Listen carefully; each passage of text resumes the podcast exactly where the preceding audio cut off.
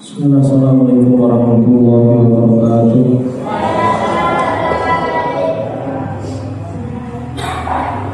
Innal hamdalillah nahmaduhu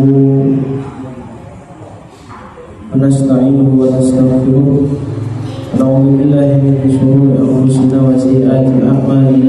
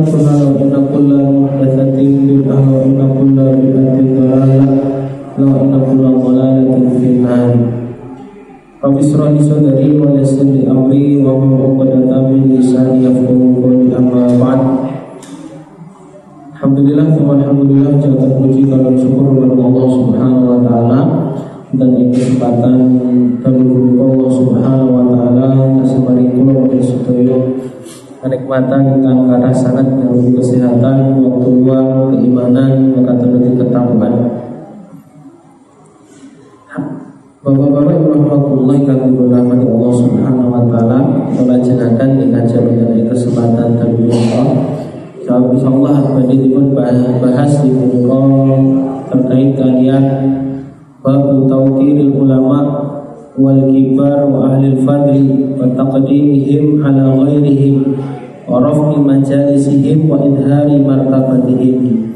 Di buku bab terkait menghormati para ulama di buku ahli ilmu wal kibar orang-orang yang dia harus kita hormati orang-orang besar. Wal fadli wa taqdimihim ala ghairihim e, terutama para ahli ilmu niko dan kewajiban ulama sedoyo untuk memuliakan mereka di atas yang lain. Warafni majalisihim dan mengangkat maksudnya pun menghormati majelis-majelis mereka wa idhari martabatihim dan menunjukkan tentang kemuliaan kedudukan mereka. Sama rahmatullahi kang dirahmati Allah Subhanahu wa taala ini perkawis menika termasuk oh, bagian dari adab kula panjenengan sedaya. Terus penghormatan kita, penghormatan kita kepada seseorang kepada makhluk punika sampun dipun atur kalian syariat Ibu juga penghormatan yang berlandaskan bukan kepada perkara-perkara duniawi Pak tetapi kepada perkara-perkara yang dipun rekomendasikan Allah Subhanahu wa taala dumateng kula sedaya. Ukurannya nopo? Hormat kula sedaya kepada makhluk kepada orang lain punika Ukurannya adalah ketakwaan mereka. Inna akramakum indallahi Atqakum sesungguhnya orang yang paling mulia di antara kalian mereka adalah orang yang paling bertakwa kepada Allah Subhanahu wa taala. Terus menika ukuran yang seharusnya kulawan sedaya menika memberikan penghormatan kepada manusia. Nah, menawi saat ini kan rata-rata yang dihormati punika bukan terkait dengan ketakwaan, tapi siapa yang sugih, siapa yang berkuasa. Kadang bahkan ketakwaan punika tidak masuk pada list utama nih ketika kita ingin menghormati seseorang. Ketika kula wan sedaya punika ingin memberikan ih, amanah kepada seseorang. Contoh paling gampang misalnya eh, bapak-bapak nopo ibu-ibu punika ada anak wedok terus ditekani wong lanang. Dua orang bu, yang setunggal punika sregep kan masjid. Ini ya orang pati sugih. Sing siji punika blas ra tau kenal masjid. Tapi cekelane setang bunder Pak, sing anyar kuwi. Bawaannya mobil dan anaknya wong sugih. Dan kita nek jenengan kan milih-milih si putih punika. Jamaah ramong ingkang dipun rahmati Allah Subhanahu wa taala. Artosipun perkawis punika merupakan perkara yang penting untuk kita tekankan agar kita ini tidak salah dalam menilai seseorang.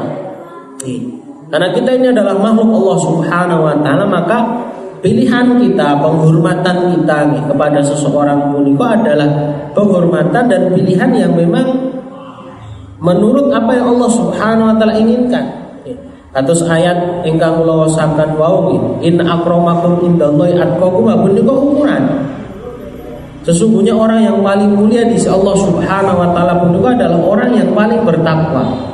Karena orang yang paling bertakwa pun juga adalah orang yang ketika kita berikan kebaikan kepada mereka, itu mereka adalah orang yang sebenarnya berpikir keras untuk bagaimana membalas kebaikan itu kepada kita walaupun pun juga berbuat baik tujuannya bukan untuk dibalas oleh makhluk, tapi tujuannya pun adalah untuk Allah Subhanahu wa taala. Kul inna sholati wa nusuki wa mahyaya wa mamati rabbil alamin. Punika harus kita masukkan dalam setiap perbuatan kula panjenengan ketika kita melakukan sesuatu bermuamalah menghormati seseorang ya dalam rangka untuk Allah bukan untuk orang lain.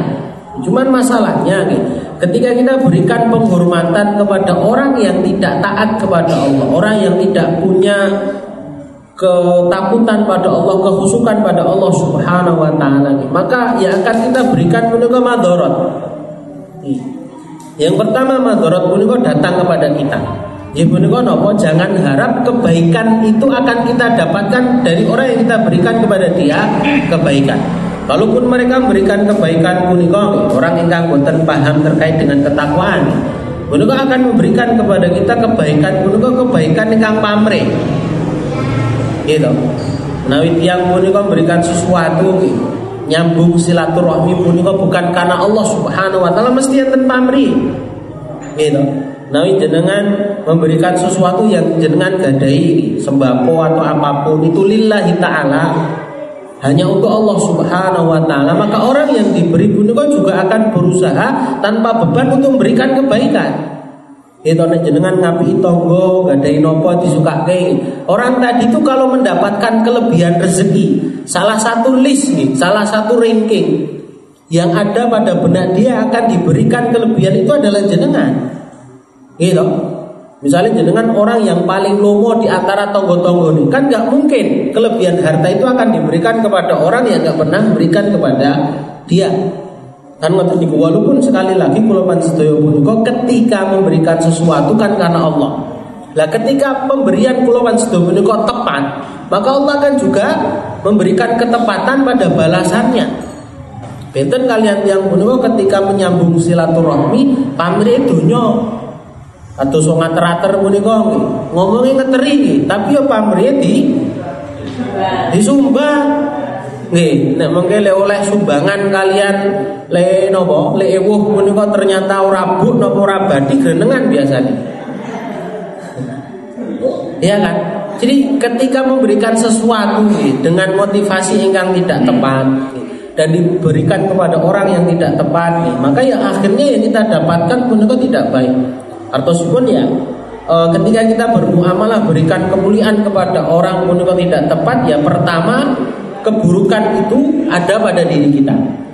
Itu yang pertama. Yang kedua jamaah Ramadan yang dipurnamati Allah Subhanahu wa taala, menawi kebaikan punika penghormatan itu kita berikan kepada orang yang tidak benar, kepada orang yang salah.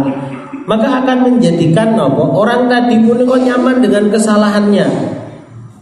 Gitu, nyaman dengan kesalahannya. Ada misalnya pejabat tapi dia jauh dari Allah Subhanahu wa taala.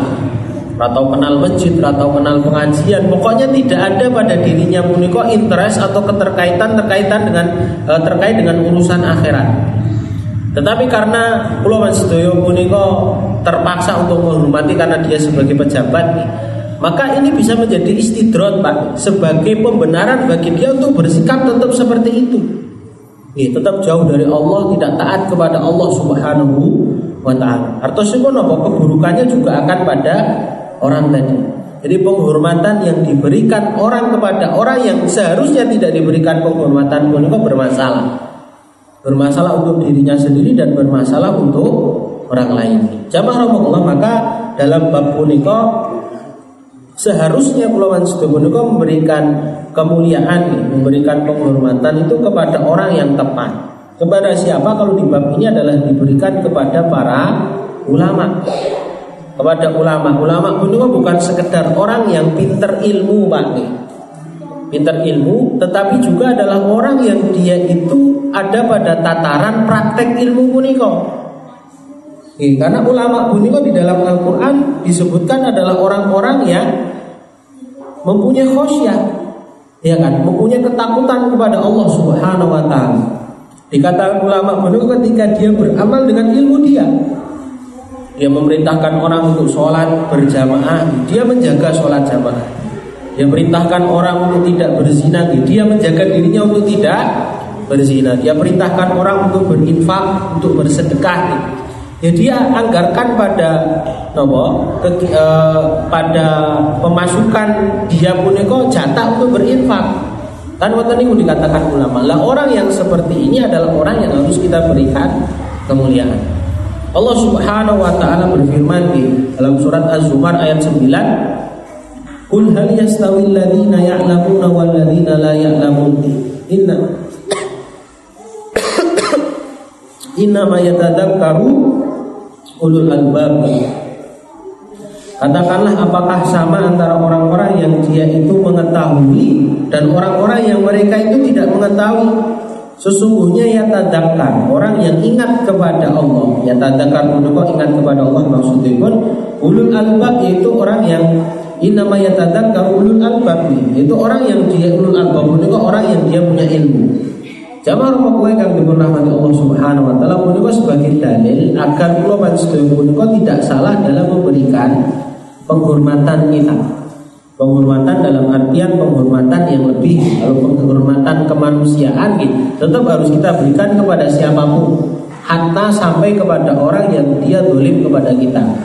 Ini bagian dari akhlak. Tetapi penghormatan yang lebih itu harus kita berikan kepada para ulama yang mana mereka adalah orang-orang yang menunjukkan kepada kita tentang kebaikan. Orang-orang yang memerintahkan kita untuk menjauhi keburukan. Dan punika. Jamaah rahmatullahi kang dipun Allah Subhanahu wa taala. Nah, di dalam ayat punika Allah menegaskan bilih benten di antara ulama antara orang yang tahu ilmu dengan orang yang tidak tahu ilmu antara orang yang tidak tahu ilmu.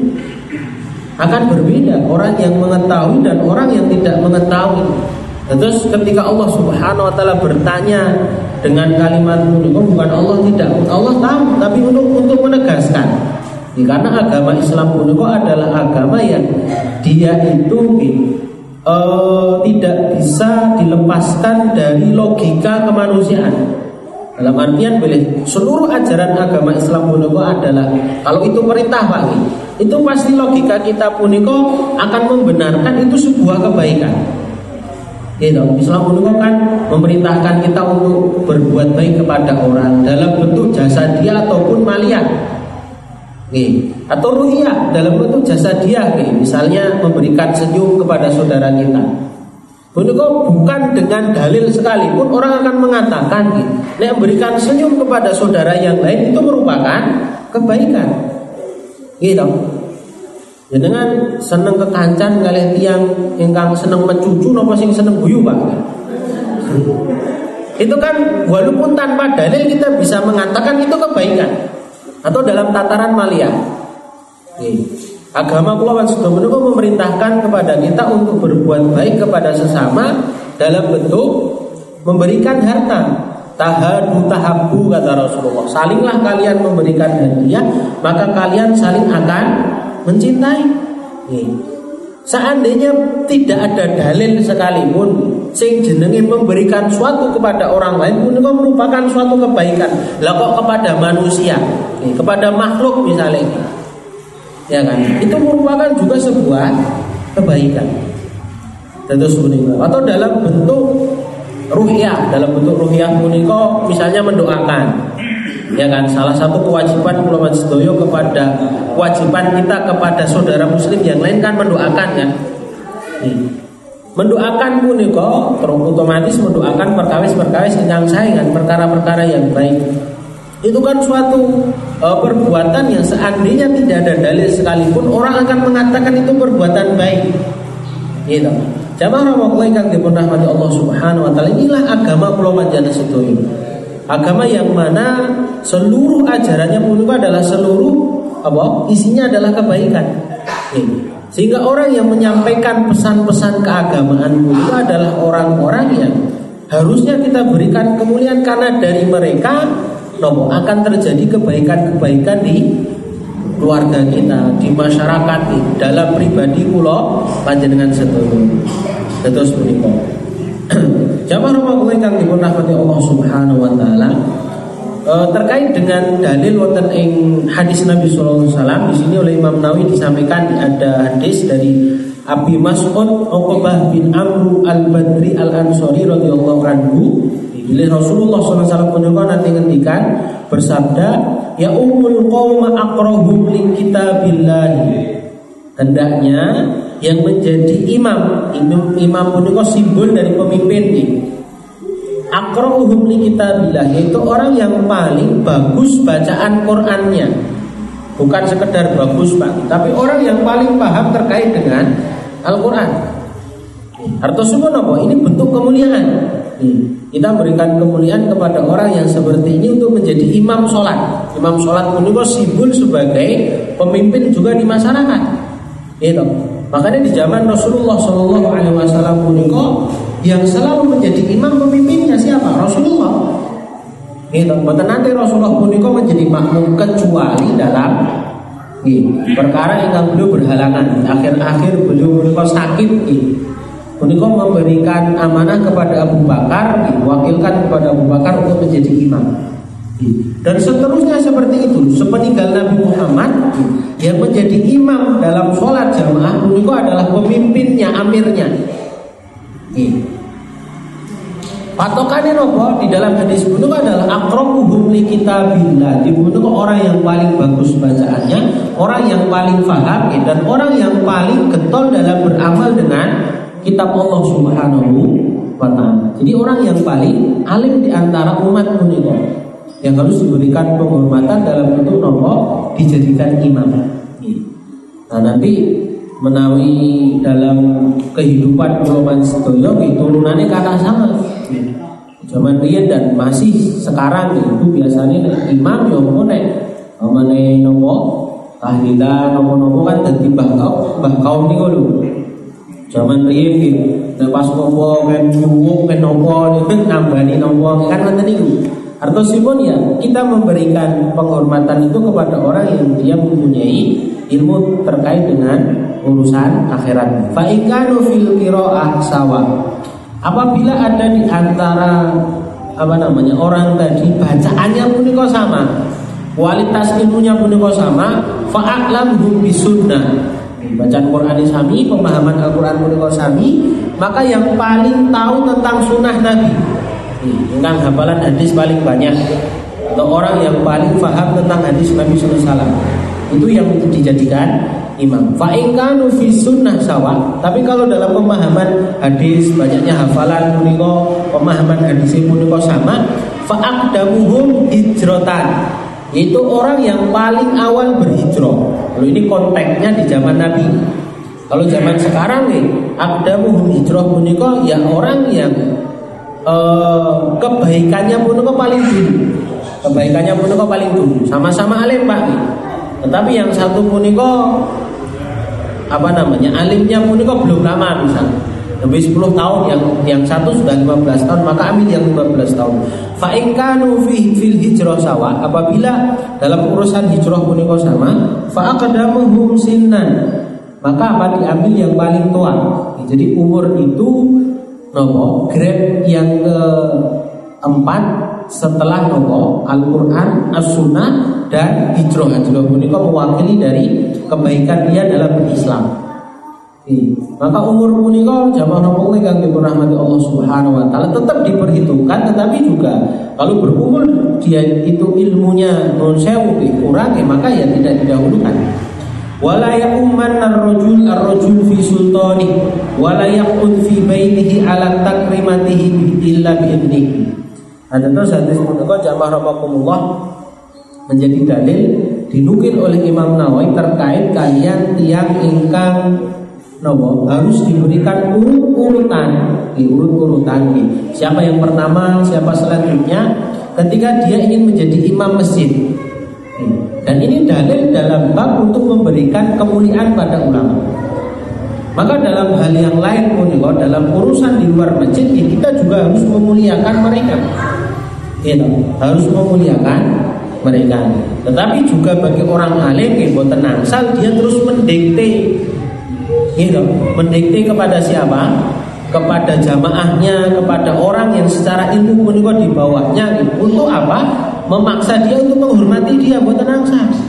Itu salaman untuk dicucuk misalnya ini, lebar ngombe wedangi kudu diombe meleh Tidak harus seperti itu nih, karena menawi perkawis punika dikerjakan dengan sama-sama faham antara yang alim punika faham, maka tenugi jamaah punika faham.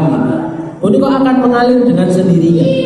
Orang yang punya keimanan baik menurut dia akan menghormati orang yang dia menunjukkan kepada kebaikan keimanan dia. Kan kata ini. Jamaah rahmatullahi kang dirahmati Allah Subhanahu wa taala karena agama Islam juga agama fitrah sekalian. Agama ikan boten saged dipun lepasaken kalian sifat-sifat kemanusiaan. Kalau kita ini kan akan menghormati seseorang ketika kita punya alasan untuk menghormati dia. Gitu. Kita punya alasan untuk menghormati. Kalau kita tidak punya alasan, gitu, kita tidak akan menghormati orang lain. Contoh misalnya, dan tiang puniko pernah memberikan kepada kita puniko kebaikan. Balai utang ukeh tadi duit punya orang. Sama orang tadi itu nopo dijamin. Atau suku nopo wis utangmu piro tak sauri. Pokoknya kowe dibutuh apa ngomong aku nggih tak bantu semampu saya.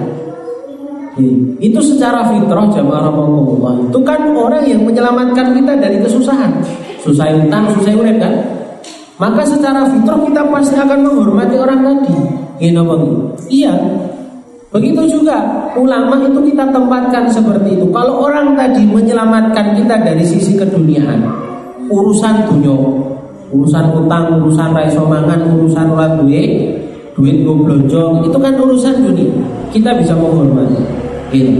Maka dengan ulama gitu, yang menyelamatkan kita menunjukkan kepada kita perkara-perkara akhirat agar kita ini tidak terjerumus kepada urusan nopo keburukan di akhirat gitu. maka secara fitrah kita juga akan menghormati gitu. Kepada orang yang menunjukkan kepada kita sholat uh, sholat untuk perkawis yang penting. Menunjukkan kepada kita puasa itu harus kita jaga. Menunjukkan kepada kita aurat itu harus benar-benar kita jaga menunjukkan kepada kita agar kita ini berbakti kepada orang tua tidak boleh nomor durhaka kepada kedua orang tua itu kan menyelamatkan kita nih. itu kan menyelamatkan kita nih, kalau perkawis perkawis pun kalau kita langgar kita akan mendapatkan keburukan Lalu kepada orang yang menyelamatkan dunia kita kita menghormati, maka kepada orang yang menyelamatkan akhirat kita kita harus lebih menghormati. Harusnya kados menika. Jamaah nomor kang dirahmati Allah Subhanahu wa taala Tetapi perkawis punika kurang bisa difahami kan. Ya, karena memang yang ada di dalam otak umat Islam sekarang ini pikirannya punika sedikit banyak punika agak tercampur dengan urusan kadunya. Hanya bisa menangkap sesuatu yang muatannya punika dunia. Gitu apa yang bisa memberikan kenikmatan dunia adalah orang yang di, diberikan kehormatan kan maka orang-orang yang uh, tidak paham seperti ini kepada siapa mereka harus memberikan penghormatan Justru penghormatan menika diberikan kepada orang-orang yang tidak paham agama, maka keburukan akan semakin banyak. Keburukan akan semakin banyak. Mun saya ucap orang yang dirahmati Allah kita sampaikan karena ini penting. Termasuk agar kita ini tidak salah dalam menghormati. Guru-guru yang dia mengajak kepada keburukan, siapa mereka? Untuk ono mas guru kok mengajak kepada keburukan Artis pak. Artis pun kan banyak yang mengajak kepada keburukan Ada yang mengajak kepada kebaikan. Tetapi kalau dengan tanya kepada saya Prosentase keburukannya lebih banyak Ngajari kemewahan. Ngajari ikhtilat. Ngajari berzina. Ngajari buka aurat. Nama mulai Ngajari tidak memperhatikan urusan mahram. Gitu nemplok kepada siapa-siapa saja. Itu kan semua adalah perkara-perkara yang tidak baik. Tetapi orang yang seperti itu yang mengajari kepada umat tentang apa? Kerusakan moral. Menurut bayarnya gede pak. Gitu. Sadar atau tidak sadar ya kita melu bayar Dalam bentuk apa? Ya menyaksikan apa yang mereka pertontonkan menika. Ibu-ibu, mboten ibu-ibu tadi. Ya wis seneng karo sinetron, ya padahal sinetrone ya urusane selingkuh, urusane napa wae. Nilep harta macam-macam, pokoknya yang jelek-jelek seperti itu. Itu ketika kelewatan itu getune pitung turunan Pak. Tapi ngaji orang mangkat beberapa kali biasa aja gitu. Tapi nek kelewatan serial sinetrone gitu. Atau tidak ada hari di mana kita tidak nopo baca televisi, tidak melihat televisi. Apa gak dari HP ya yang dibaca terkait dengan gosip-gosip kemauan gosip-gosip yang jelek. Itu secara tidak sadar kita sedang membiayai mereka. Sedang nopo membiayai mereka. Tetapi orang-orang yang mengajarkan kebaikan, benar-benar guru mentransfer kebaikan, ya pun kok tidak terlalu dihargai pun saya. Guru honorer itu bayarnya kita bu, 600 sesasi 500 nih. Itu gue tuku nopo? Bensin mau betul cukup kan? Tapi gawe ada satu kok orang yang bertugas untuk membenarkan moral mentransfer ilmu nih kepada seseorang munikoh agar terjadi peradaban yang baik, peradaban yang tahu bagaimana cara menghormati, tidak dihormati. Ya Ya karena orang munikoh merasa pilih nopo kesenangan itu merupakan puncak kebahagiaan dunia dia. Gitu. Lo pamer harta, lo wong cobraan, lo wong padu artis kan di sini nonton itu kan. Allah yang dirahmati Allah Subhanahu wa taala ini salah kita memberikan penghormatan.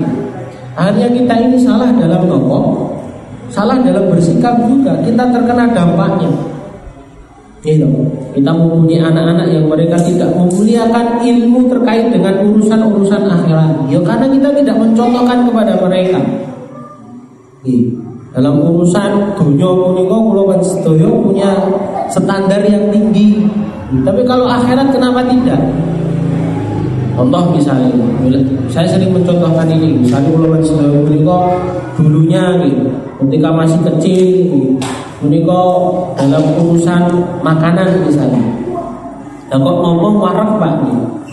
Lah kok ngomong macam-macam makanan, ngomong warek kemauan itu perkara yang sulit untuk kita dapatkan. Gitu. Zaman dia dulu kan oleh berkat kan dibagi anak ibu roh, wong riyen pun anak kan. Oke, songo, bolu, berkatnya kan di sini sego gurih terus apa nih, dok separuh terus ayamnya sak suwir kan, tapi mungkin dibagi-bagi anak ibu roh Nah itu ketika dia mengalami masa lalu ingkang kados punika, masa lalu ingkang boten menyenangkan.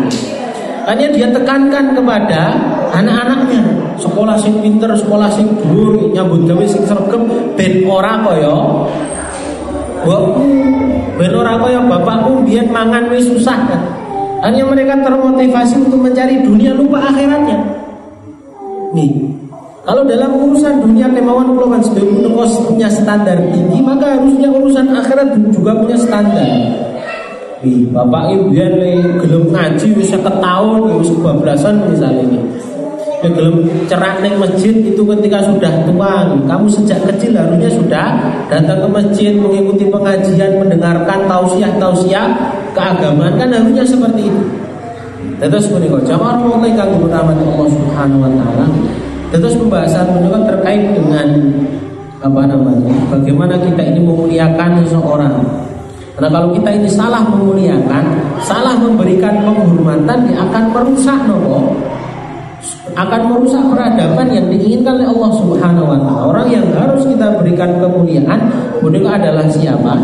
Para ulama. Induknya, kornya, intinya siapa? Yaitu Nabi Muhammad Shallallahu Alaihi Wasallam. Maka segala perkara-perkara yang merusak penghormatan kita kepada mereka dilarang oleh syariat. Gitu. Dilarang oleh syariat. Contohnya simbolnya kan Nabi Sallallahu Alaihi Wasallam. Kalau sedang itu bukan asal jamaah Allah. Meremehkan urusan Nabi itu kok nggak boleh. Mencela Nabi sebagai orang yang biasa pun itu bukan asal. Kalau niatnya untuk mencela. Sampai turun ayat kul abillahi wa ayati wa rasulihi kuntum tastahzi'un. Dalam surat At-Taubah kisah seorang yang dia itu mengejek mengolok-olok Nabi Katanya Nabi Buniko dan para sahabatnya Buniko adalah orang yang paling pengecut ketika bertemu dengan musuh ketika berperang. Dan mereka adalah orang yang no, paling banyak makan. Maksudnya pun Buniko istiza molok-olok Nabi. Maka turun ayat tadi yang mengatakan apakah dengan Allah ayat-ayatnya dengan Rasulnya kalian itu istiza kalian itu molok-olok. Maka kalian telah kafir setelah keimanan kalian Nah, ketika ayat punika turun, orang yang ngolok-olok punika minta maaf sama Rasul karena takut dia masuk pada kekafiran. Tapi Rasulullah tidak memberikan maaf. Tapi belum menaiki apa hewan tunggangan sampai kaki hewan tunggangan pun kok di digeret pak atau pun digendoli. Tapi Rasulullah tidak mau memberikan karena yang memberikan apa? Memberikan peringatan itu langsung Allah memberikan status orang kuno telah keluar dari keimanannya menjadi kekafiran itu karena apa? Karena dari Allah Subhanahu wa taala. Atau kuno ini sebagai peringatan bagi kita untuk memberikan kemuliaan kepada simbol ulama siapa yaitu Rasulullah Shallallahu Alaihi Wasallam. Itu. Maka tidak boleh perkara-perkara yang nopo yang terkait dengan para ulama unikom. Kita ini hanya sibuk untuk mencari keburukannya. Ulama itu kan juga manusia Pak. Kalau kita melihat keburukan, kita melihat aib, melihat sesuatu yang tidak baik pada ulama kita, jangan dibesar-besarkan. Ingatlah sesuatu yang lebih baik atau ataupun apa yang mereka berikan terkait dengan kebaikan kepada kita perlu kan lebih banyak. Lah itu yang harus di Nggak akan mungkin kita ini lepas dari aib, lepas dari keburukan.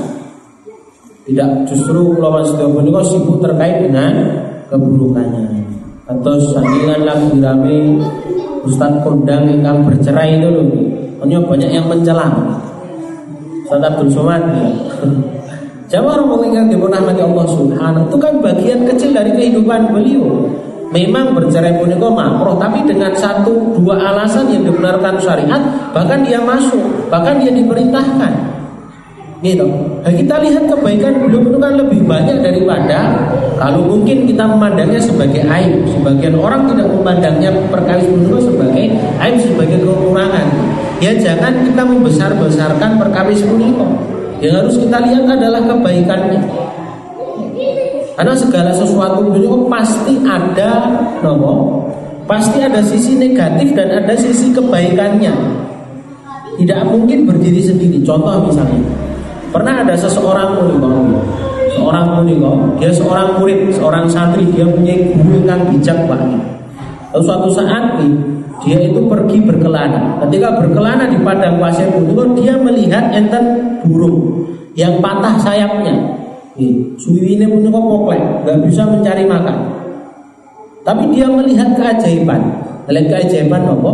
Bila uh, burung tadi itu tidak mati kelaparan. Kenapa? Banyak burung-burung yang dia bisa terbang yang sehat mendatangi burung puniko memberikan makanan. Akhirnya orang tadi ketika pulang bertemu dengan gurunya mengatakan saya sudah tidak akan bekerja lagi. Karena apa rezeki sudah dijamin oleh Allah Subhanahu wa taala. Kalau rezeki itu sudah ditakdirkan kepada saya, maka seandainya saya diam pun maka rezeki itu akan datang kepada saya. Lalu gurunya punika bertanya lah kenapa kamu seperti itu? Karena saya melihat ada burung yang dia cacat, tapi tetap bisa makan. Karena kehendak Allah Subhanahu Wa Taala ada burung lain yang memberikan dia makan. Maka uh, ulama tadi mengatakan, kenapa kamu itu mencari contoh, mengambil ibrah dari sesuatu yang kurang mulia? Kenapa kamu tidak mencontoh burung yang memberi makan? Kenapa kamu memberi me, me, apa, mencari contoh burung yang diberikan makan? Gitu. Bukankah syariat mengatakan yadul ulya khairu miyadi sufla? Tangan yang di atas itu lebih baik daripada tangan yang di bawah. Kenapa kita mencontoh yang yang dalam satu hal mungkin itu perkara perkawis dengan tidak baik. Jadi mengandalkan nopo mengandalkan rezeki punika bergantung kepada orang lain. Walaupun kalau itu sudah rezekinya dia akan datang. Kenapa tidak mencontoh burung yang memberikan makan? Faham maksud saya? Artosipun jamaah rahmatullah segala perkara punika tidak berdiri sendiri. Ada sisi negatifnya, ada sisi positifnya. Maka perbanyaklah untuk kita melihat kepada orang-orang beriman, kepada orang-orang muslim, terutama para ulama, menunjukkan pada sisi-sisi negatif, eh, positifnya. Yang negatif kalau bisa kita tutupi, biar menjadi urusan dia dengan Allah Subhanahu Wa Taala. Kecuali negatif itu sudah dianggap tidak negatif. Terus menikah. Jamaah orang dipun rahmati Allah Subhanahu Wa Taala. Faham maksud saya? Jadi uh, bab terkait dengan kita memuliakan ulama punika itu juga nanti terkait dengan amaliyah ulama sedoyo. Ya kan? Kalau kita ini menghormati ulama itu sebagai simbol kita ini menghormati ilmu. Kalau kita menghormati ilmu maka apa? Kita akan berusaha untuk nopo? Untuk beramal dengan ilmu punika. Ya kan? Kan seperti itu. Atau setiang menika misalnya menghormati wong sugih. Ya ini wong sugih punika arep rapat rapat yo pinter Pak nek ngomong digugu. Masalahnya duwe duit rapat RT, rapat kampung menika. Sing pinter ning ra duit biasanya rapat yo niku. Tapi nek sing rapat yo pinter tapi di duit nek usul biasanya karena ragat dia.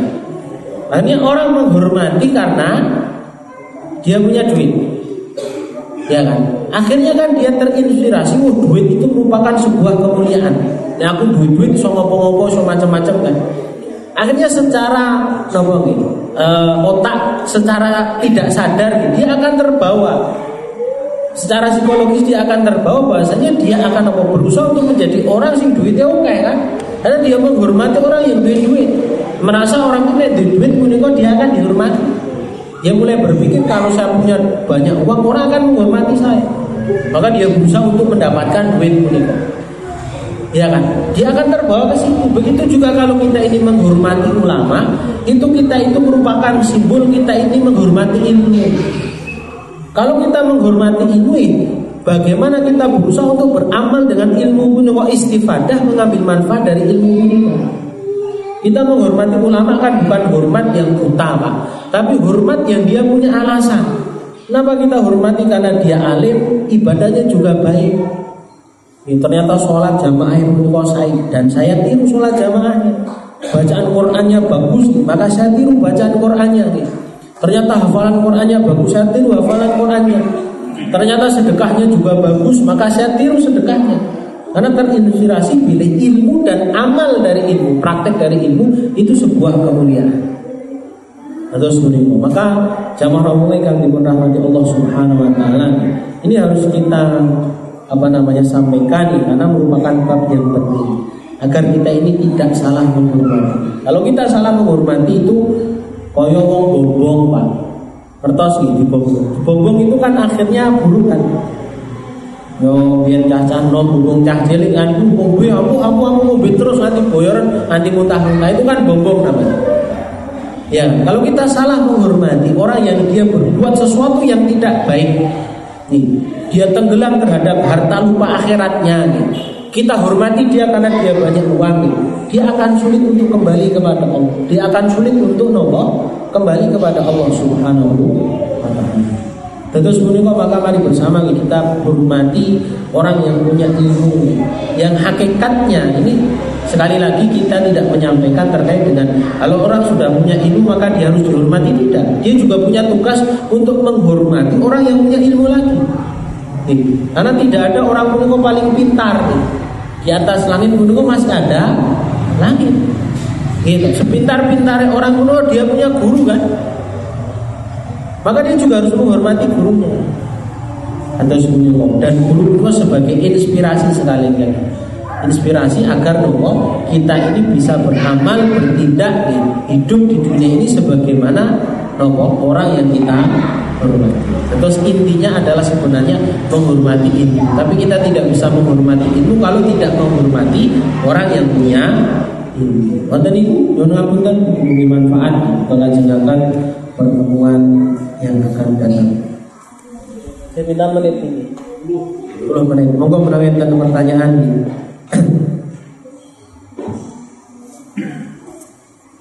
Oke. Tadi mengatakan orang yang berilmu itu akan dimuliakan.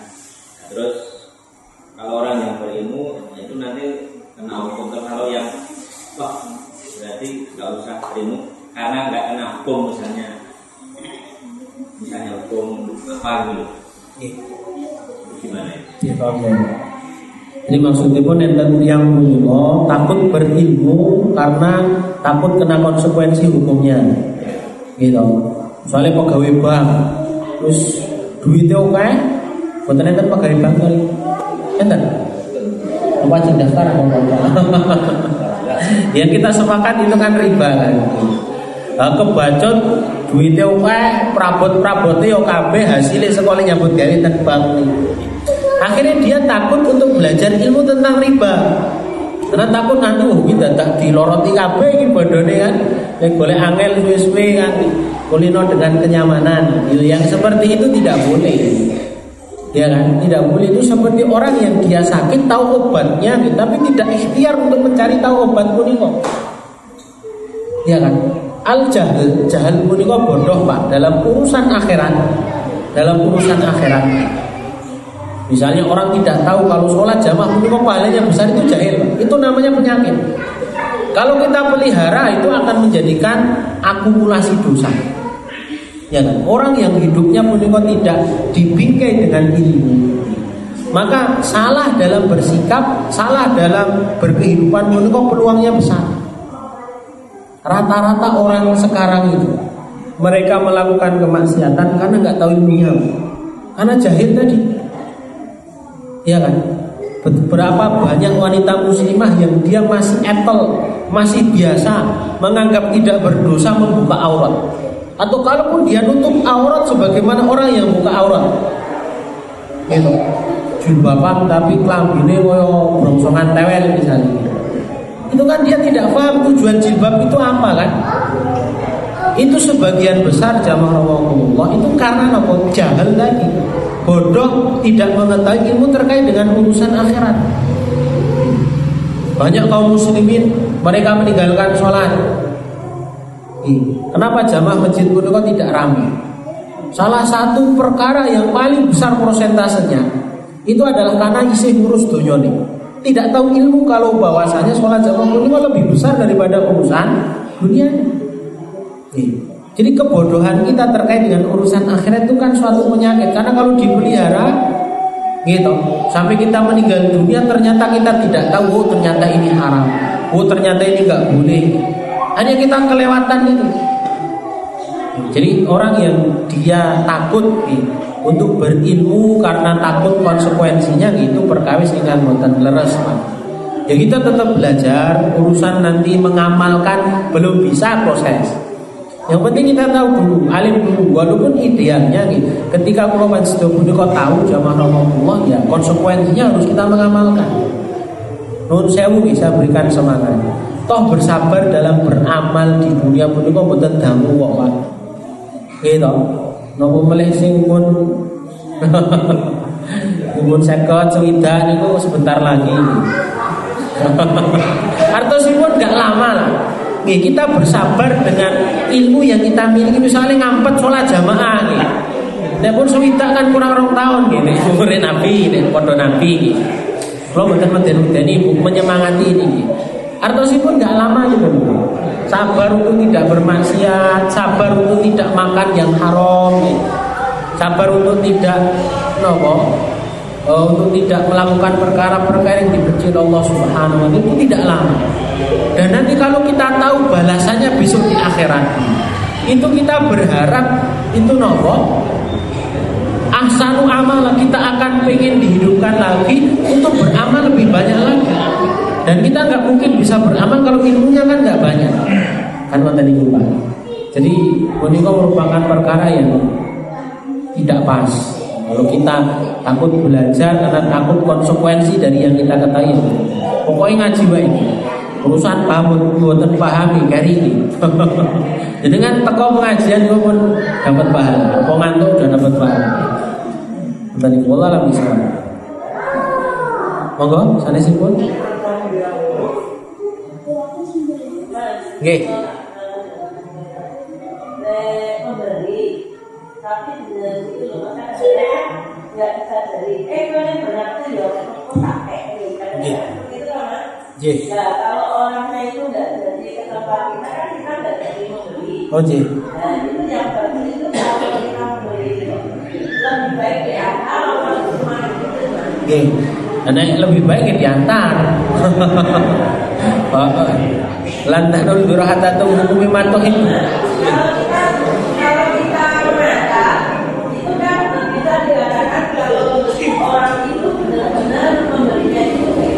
Jadi,